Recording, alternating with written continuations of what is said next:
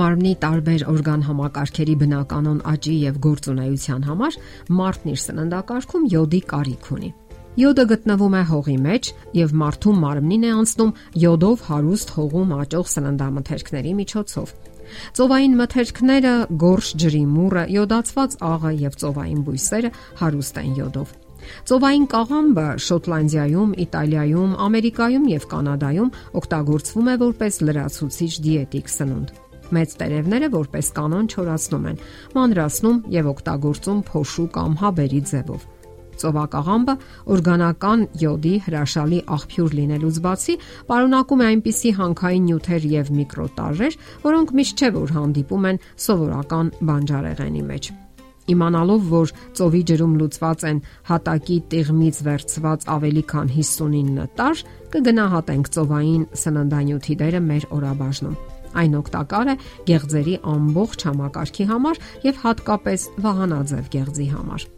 Ասենք որ յոդով հարուստ սնունդը նպաստում է երկարակեցությանը։ Երկարակեցության ռեկորդը Ճապոնիայում պատկանում է Ձկնորս Նակամուրային։ 114 տարեկանում լրագրողին տված հարցազրույցում նա հայտարարեց. Եթե ուզում եք երկար ապրել եւ միաժամանակ հրաշալի տեսողություն ունենալ, ինչպես ես, խորհուրդ եմ տալիս սնվել ծովակաղամբով եւ ձկով։ Իմ կյանքում երբեք ուրիշ ոչինչ չեմ կերել։ Դժբախտաբար երկրագնդի վրա յոդը հավասարաչափ չէ տեղաբաշխված։ Յոդից հատկապես աղքատ են լեռնային տարածքները, որոնք շատ են նաև Հայաստանում։ Հողում գտնվող բնական յոդը հավանաբար սպառվել է ջրհեղեղների եւ հողի էրոզիայի պատճառով։ Բավարար քանակությամբ յոդ ստանալը մեր երկրում իրոք խնդիր է դարձել։ Իսկ ինչ կարևոր դեր է կատարում յոդը մեր մարմնի համար։ Յոդը կազմում է թիրոքսին կոչվող հորմոնի բաղկացուցիչ մասը, որը կարգավորում է մեր մարմնի կողմից էներգիայի յուրացման արագությունը։ Խփիպը կամ պարանոցի վրա արտահայտվածության արկայությունը վահանաձև գեղձի մեծացման արդյունք է եւ յոդի անբավարարության նշան։ Հետազոտությունները ցույց են տվել, որ խփիպը բավական տարածված է Հայաստանի որոշ շրջաններում Յոդի անբավարարության պատճառով կարող են առաջանալ խանգարումներ եւ առողջական լուրջ խնդիրներ, որոնցից ամենաակնհայտը դիտվում է ուղեղում։ Երեխաների մոտ նկատվում է մտավոր թերզարգացում, շարժողական զարգացման դանդաղում, աճի խանգարում, հյուծվածություն, մկանային ախտահարում, կաթված, խոսքի արատներ, խփիփ Քանի որ յոդը երկար ժամանակ չի կարող կուտակվել մարմնում, այն պետք է չնչին քանակով կանոնավոր օգտագործվի։ Յոդի անբավարարության կանխարգելման ամենաարդյունավետ միջոցը սննդի մեջ յոդացված աղի օգտագործումն է։ Համոզվեք, որ ձեր գնած աղի պիտակի վրա նշում կա յոդացվածության վերաբերյալ։ Օրական կես թեյի գտալ յոդացված աղի օգտագործումը որոշ չափով ապահովում է մարմնի պահանջված յոդի քանակը։ Ահա նաև որոշ օգտակար խորհուրդներ։ Խոշոր բյուրեղներով աղը սովորաբար յոդացված չէ։ Յոդացված աղը հարկավոր է պահել մութ, չոր տեղում եւ ծածկել կափարիչով։ Նախընտրելի է աղը ավելացնել ուտելիքը պատրաստելուց հետո։ Յոդի անկրկնելի աղբյուր է բոլորիս հայտնի եւ մատչելի խնձորը, որը ժողովրդական բժշկության մեջ օգտագործում են բազմաթիվ հիվանդությունների բուժման ու կանխարգելման նպատակով։ Հնագույն ժամանակներից ի վեր խնձորենին աճեցրել են Եգիպտոսում, Պաղեստինում, Հին Հունաստանում եւ Հռոմում։ Խնձորը հնարավոր է պահեստավորել եւ տարին բոլոր օգտագործել, ապահովելով օրգանիզմի անհրաժեշտ նյութերը, մասնավորապես յոդը։ Զուր չեն ասում, թե օրվա մեջ երկու խնձոր ուտող մարդը բժշկի կարիք չի զգա։ Խնձորի բուժիչ հատկության մասին գրել է դեռևս Հիպոկրատը, Մասնագետների կարծիքով խնձորը խթանում է սրտի աշխատանքը, կարգավորում է արյան շրջանառությունը, ամրացնում է արյունատարանոթները, բարձրացնում է օրգանիզմի իմունիտետը։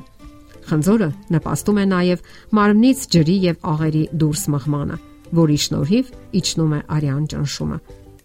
Ատամնաբույժները հավաստիացնում են, որ խնձորը կանխում է կարիեսը։ Օգտակար է ոչ միայն թարմ խնձորը, այլև նրա հյութը խնձորից ստացվող քացախը։ Թարմ քերած խնձորը գործածում են դժվար սպիացող վերքերի, այրվածքների, խոցերի ապակինման նպատակով։ Հայտնի է, որ ոզնիները սիրում են իրենց փշերի վրա խնձոր տանել։ Ընդ որում, այս կենթանիները հիմնականում սնվում են միջատներով։ Խնձորները նրանք օգտագործում են բացառապես հիգենիկ նպատակով։